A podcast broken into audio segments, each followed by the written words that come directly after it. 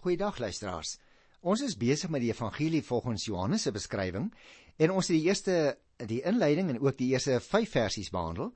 En vandag kom ons by Johannes hoofstuk 1 vers 6. Kom ons spring in die dam. Daar was 'n man wat deur God gestuur is. Sy naam was Johannes. Hy het gekom om te getuig. Hy moes getuig van die lig sodat almal deur hom tot geloof kon kom. Hy was self nie die lig nie, maar hy moes van die lig getuig. Nou luisteraars, dit is amper asof die evangelis Johannes homself hierso so 'n bietjie onderbreek, want jy onthou in die vorige program het hy as dit ware in die troonsale van die hemel begin en hy het baie duidelik oor die identiteit van die Here Jesus Christus gepraat, wie hy is, dat hy God self is. En nou onderbreek Johannes hom as dit ware, kom hy grond toe as jy wil, en vertel hy eers vir ons van Johannes die Doper. Nou wie julle hierdie Johannes die Doper gryp my so aan ek het eendag 'n boek oor hom geskrywe juis omdat hy die laaste groot profeet was wat met sy vinger direk na die Here Jesus kon wys en sê daar is die lam van God. Nou moet ons dit natuurlik duidelik onderskei. Iemand uh, skryf my nou dag 'n briefie en vra wanneer het Johannes die Doper die evangelie geskryf? Ooh, nee, dit's 'n foutjie hoor. Johannes die evangelis en Johannes die Doper is nie dieselfde persone nie. Johannes die evangelis vertel vir ons, soos die ander evangeliste vertel Johannes die evangelis vir ons van Johannes die Doper. Maar Johannes die Doper het natuurlik nie self 'n boek geskrywe nie. Kom ek vertel jou iets van Johannes die Doper. Want jy sien niemand kan dit betwyfel dat Johannes die Doper ook 'n baie besonderse mens was nie. Hy het ongewone klere gedra, ongewone kos geëet, ongewone boodskap verkondig aan die Judeërs wat in die woestyn na hom kom luister het. Johannes wou egter nie net sommer ongewoon en sensasioneel wees soos mense partykeer vandag snaaks aantrek net om aandag te trek nie. Nee. Nee, Johannes die Doper wou aan God gehoorsaam wees. Hy het besef dat hy 'n bepaalde taak opgelê is. Dat hy die koms van die verlosser moes aankondig en daarom het hy al sy krag aan die uitvoering van die opdrag gewy. Lukas sê byvoorbeeld vir ons dat Johannes in die woestyn was toe God sy opdrag aan hom gegee het. Hy was gereed en hy het op die Here gewag. Die engel wat vir sy pa Sagarias, sal jy nog onthou, vertel het van die seentjie wat gebore sal word, het dit duidelik gestel dat Johannes die Doper 'n Nasareër vir God moes wees, dat hy dus vir diens aan God afgesonder moes word. Johannes het sy hele lewe lank getrou gebly aan die belofte van sy ouers. En hierdie man met die wille voorkoms het geen politieke aspirasies onder die Jode gehad nie, hoor. Maar die gesag waarmee hy gepraat het, dit kon nie deur enige iemand in twyfel getref word nie. Mense is deur sy woorde geraak, want hy het die waarheid gepraat. Hy het hulle vermaan om van die sonde weg te keer en hulle deur hom te laat doop as teken van hulle berou. Honderde mense het op sy oproepe gereageer. Maar hy het nooit vergeet om vir almal te vertel dat hy maar net die wegwyser is nie. Die een wat die koms van die ware verlosser moes aankondig.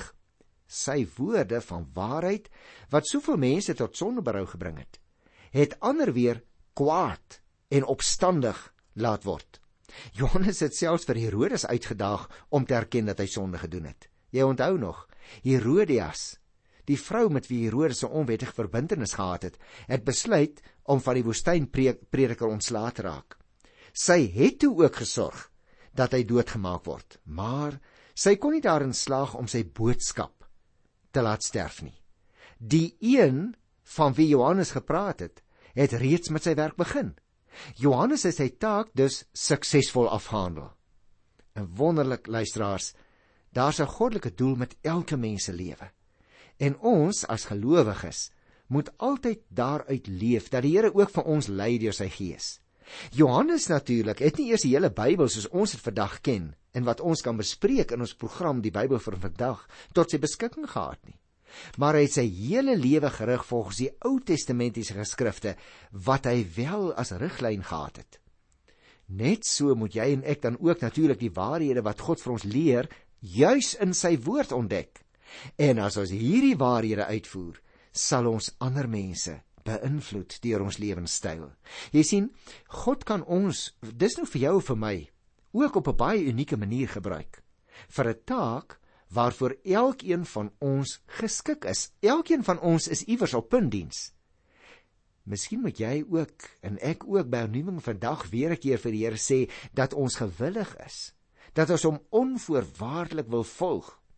Of dit nou fronse op ander mense se gesigte veroorsaak, nou ja, dit kan selfs moontlik tot bespotting by sommige mense lei dat hulle na ons kyk met 'n siniese glimlag en dink, nou maar waar kom hierdie vrou en waar kom hierdie man nou vandaan? Nou so was Johannes die Doper dan bereid om alles prys te gee om die een wat gekom het aan mense bekend te stel met met sy vinger na die Here Jesus te wys. Ek gaan nog daarby kom en sê daar is die lam van God. Nou kom ek lees hier van vers 6 tot 8 in Johannes 1. Ek het begin deur te lees. Daar was 'n man wat deur God gestuur is. Sy naam was Johannes. Jy sien luisteraar, die volgende klompie verse hier in die evangelie handel dan oor Johannes die Doper. Eers is daar 'n verwysing na sy oorsprong. Hy is, staan daar, deur God gestuur. Dan sy naam en daarna sy goddelike opdrag om naamlik te getuig van die woord as die lig.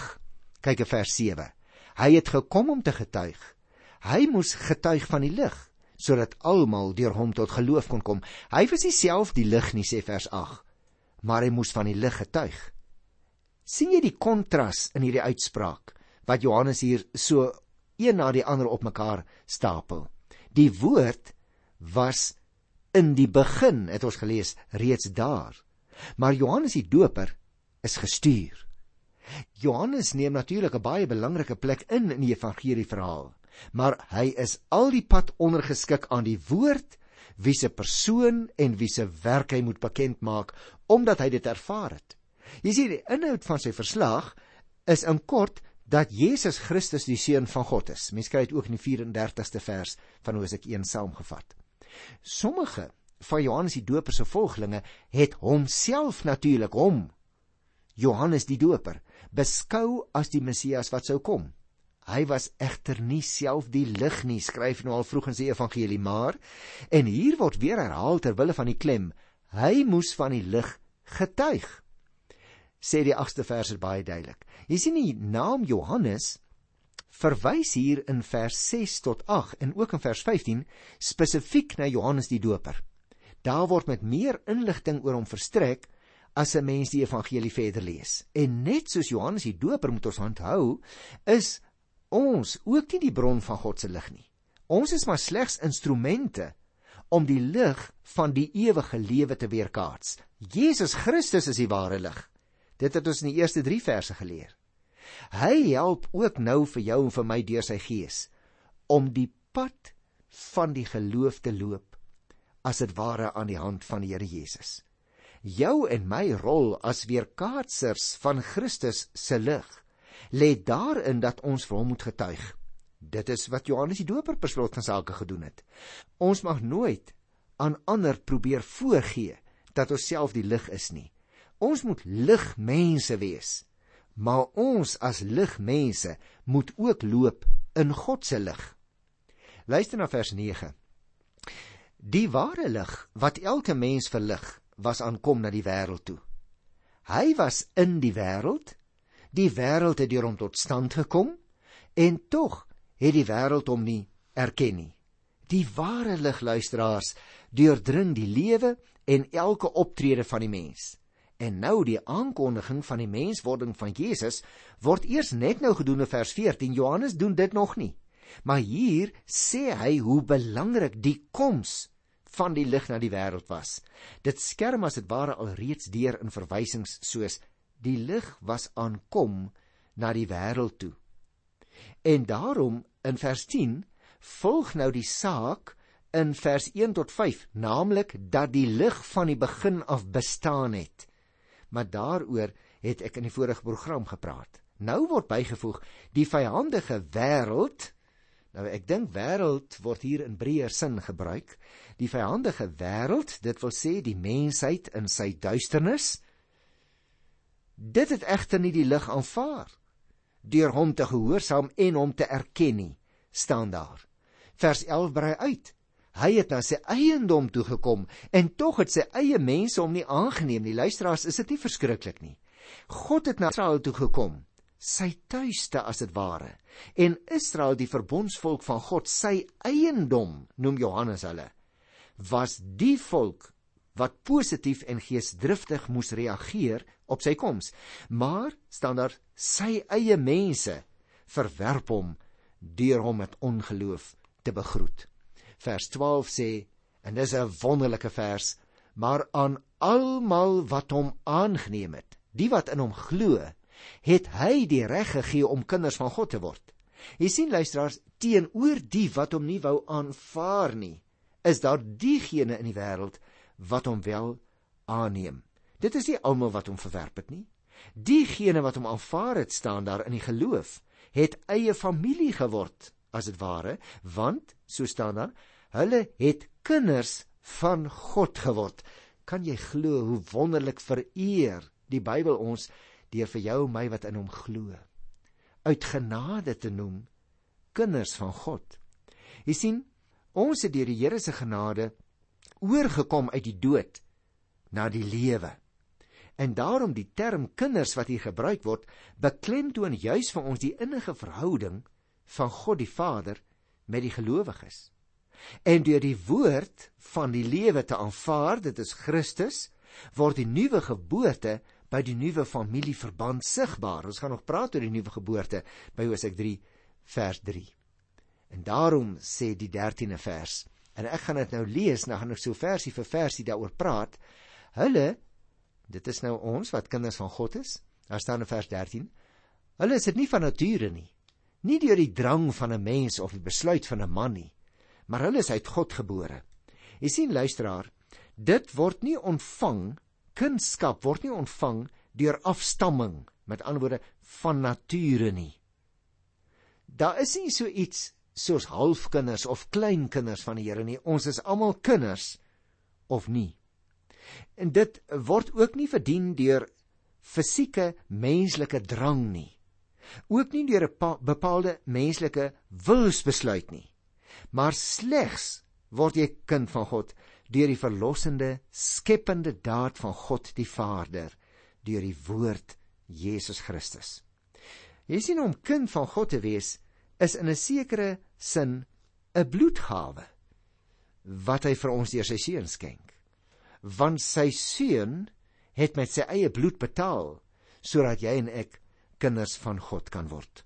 Mag ek dit saamvat vir 'n oombliekie? Die mense wat God geskaap het, het Jesus Christus nie herken nie. Selfs die volk, sy eiendom, die Joodse volk vir wie God uitverkies het, het hom nie aanvaar nie. En daarom was die 13de vers vir ons so wonderlik. Elkeen egter wat Christus as die Here van sy lewe deur geloof erken, word geestelik weergebore en hy ontvang die nuwe lewe van God. En hierdie nuwe geestelike geboorte in Christus werk van binne af deur en dit bring uiteindelik 'n totale vernuwing in ons lewens mee ten opsigte van ons gesindhede ook ons motiewe ons begeertes.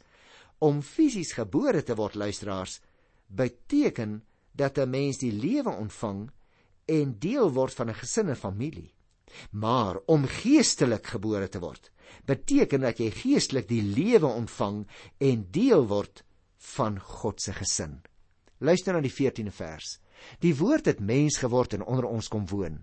Ons het sy heerlikheid gesien, die heerlikheid wat hy as die enigste seun van die Vader het, vol genade en waarheid. O, die woord het mens geword staan daar. God word sigbaar by mense en tussen mense. Interessant. Die Griekse uitdrukking wat vertaal is met mens geword beklemtoon sterk dat die Here Jesus Christus die woord volledig mens geword het. Jy sien, die woord wat by God was en self ook God is, het nou onder die mense kom woon. Ons uitdrukking woon laat juis die klem val op die werklikheid van sy koms en ook sy definitiewe vestiging onder mense. daarmee beteken nie dat hy deel het aan die sonde nie, hoor. God se teenwoordigheid in die Ou Testament het altyd gepaard gegaan met 'n aanskoue van heerlikheid. In Jesus se optrede was God nou werklik fisies ook teenwoordig onder mense in die liggaam van sy seun. Dit is raak gesien deur mense. Die ons wat die heerlikheid sien en van wie vertel word in hierdie teks 14 verwys na die ooggetuies van Jesus se aardse lewe. Dit is juis hulle wat sy heerlikheid deur die geloofsoog kon sien. Hy, Jesus, is die enigste seun van die Vader staan daar en daarom is hy so uniek. Jy sien luisteraar, die Here Jesus sy heerlikheid is sigbaar en sy goedheid of sy genade soos dit hier genoem word en die waarheid lê in hom. Het hy dan nie self gesê in Johannes 14 vers 6 nie, ek is die weg en die waarheid en die lewe. En daarom luisteraars wil ek graag nog so 'n bietjie uitbrei op hierdie verse 9 tot 14 want dit is my baie baie belangrik want die profete het gesê dat die Messias gaan kom. Onthou jy Micha 5? En jy Bethlehem is beslis nie die geringste nie. Daardie profeet Micha het 700 jaar alreeds vooraf die plek van die Here Jesus se koms genoem. En die volk wat in duisternis woon het 'n groot lig gesien is woorde wat die profeet Jesaja gesê het in daardie selfde tyd 700 jaar voor die koms van die Here Jesus. En nou, nou het ons sopas hier uit die Johannes Evangelie gelees, het die lig wat elke mens verlig gekom in die wêreld. Hy het onder ons kom woon sê die 14de vers en dan wonderlik. In teenstelling met wat die wêreld en natuurlik ook in teenstelling met wat sy eie mense aan hom gedoen het, skryf Johannes daar in die 12de vers: "Maar aan almal wat hom aangeneem het, die wat in hom glo, die het hy die reg gegee om kinders van God te word." Ek wil amper vir jou vra, al is dit nou nie Kersfees nie, ken jy die Kersfeeskind? Want anders as in 'n luukse hospitaal word hy in 'n stal gebore, anders as in 'n duur wiegie lê sy ma hom in 'n krib neer, anders as begrafnisondernemers se blink vuur waar 'n nagemaakte gras langs die graf, sou hulle die Here Jesus uiteindelik sommer net aan 'n houtkruis ophang. Maar jy moet oplet. Selfs op sy sterfbed is sy wyd oop arms, want hy roep, hy nooi uit, hy verwelkom. En vir wie? Want nie almal het hom verwerp nie. Vir wie verwelkom hy? Almal wat hom aangeneem het, sê die 12de vers. Nie alle arms het in Jesus dat hy baldadige gevuist in sy rigting geswaai nie, hoor. Baie het soekend, hulp soekend, aanbiddend hulle arms gelowig na hom toe uitgesteek. En daarom praat die vers duidelik van die wat in hom glo. Ek wil vir jou vra luisteraar na ons program die Bybel vir vandag. Glo jy in Jesus Christus? Want as jy nie glo nie, dan kan jy ook nie die ewige lewe hê nie. Maar as jy in hom glo, het ons hierdie verse gelees, dan gee hy vir jou die reg om 'n kind van God te word. Maar kom ek gaan so klein bietjie verder. Ek wil net graag die perikoop klaar maak. Uh, ek wil hierso lees by vers 15. Ek is nog steeds by Johannes 1. Johannes het getuig van hom en roep uit: "Dit is hy wat ek bedoel het toe ek gesê het hy wat na my kom is voor my, want hy was voor my reeds daar." Interessant luisteraars dat dit so geskrywe staan. Want jy sien die proloog sluit in 'n sekere sin hier af om nog net nog 'n keer ten slotte die uniekheid van die Here Jesus Christus te beklemtoon. Johannes wil hê ons moet dit nie vergeet. Jesus Christus het 'n unieke identiteit. Hy's groter as Johannes die Doper. Met ander woorde, alhoewel Jesus se bediening eers na die van Johannes die Doper sou begin, oortref Jesus vir Johannes omdat hy die woord al reeds bestaan het voordat Johannes nog gebore was. Jesus kom uit die ewigheid moontlik het van die eerste disippels van Jesus uit die navolgers van Johannes die Doper gekom en moes hulle die Here Jesus en Johannes se posisie ten opsigte van mekaar nou in perspektief begin kry. Jy sien die mensgeworde woord, Christus, vol van genade en waarheid vers 14 en self God vers 1 het die goedheid van God aan die mens kom uitdeel. En daarom vers 16 uit sy oorvloed het ons almal genade op genade ontvang. Die genade, luisteraars, dui juis op daardie een onverdiende gawe wat jy en ek nie kan verdien nie. Ons ontvang genade. Luister na vers 17. God het die wet deur Moses gegee. Die genade en die waarheid het deur Jesus Christus gekom. Die wet staan daar het deur Moses gekom, maar die wet kan natuurlik nie red nie. Die reddende genade het deur Jesus Christus gekom.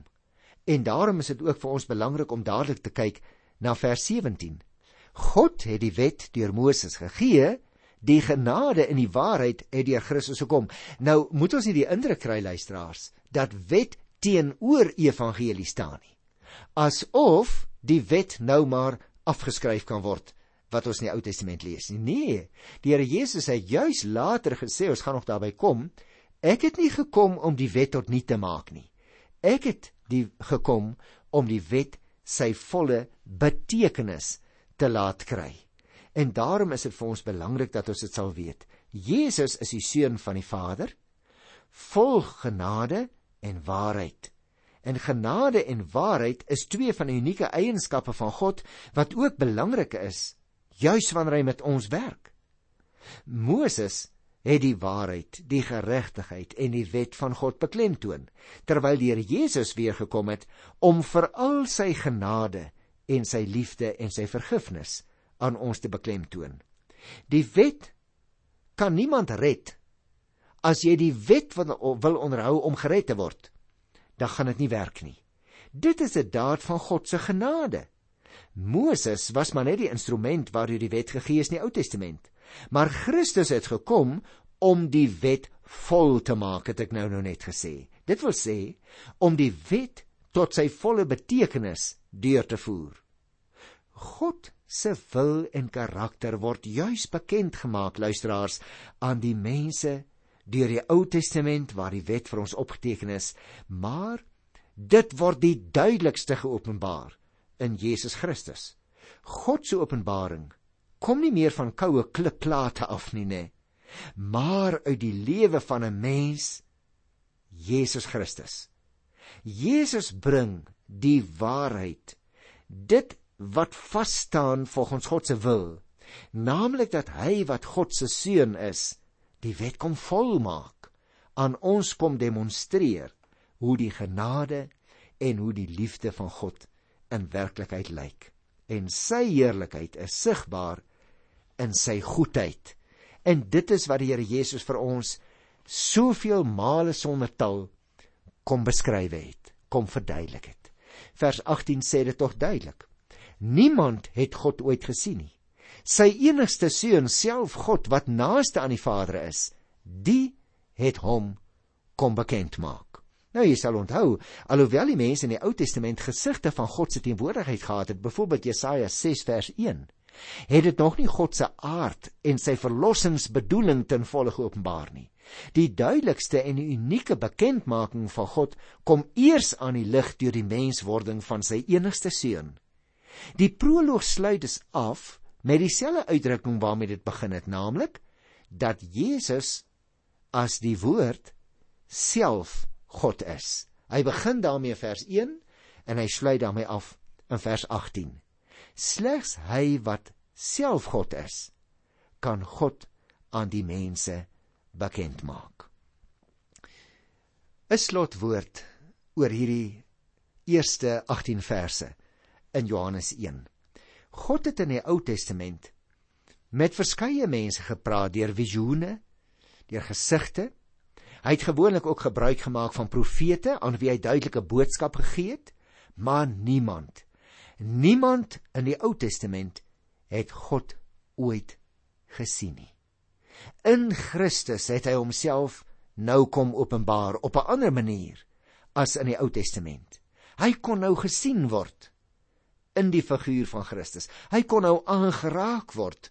Mense kon nou sy woorde uit die vorming van sy lippe wanneer Jesus gepraat het sien. Hulle kon dit hoor.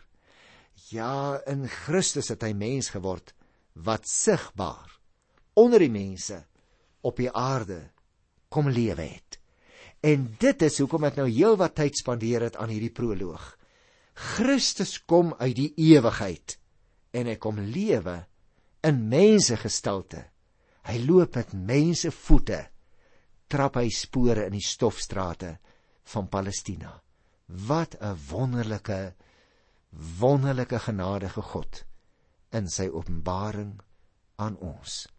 Ek groet jou tot volgende keer luisteraar in die wonderlike naam van Jesus Christus, die seun van God wat gekom het. Tot dan. Totsiens.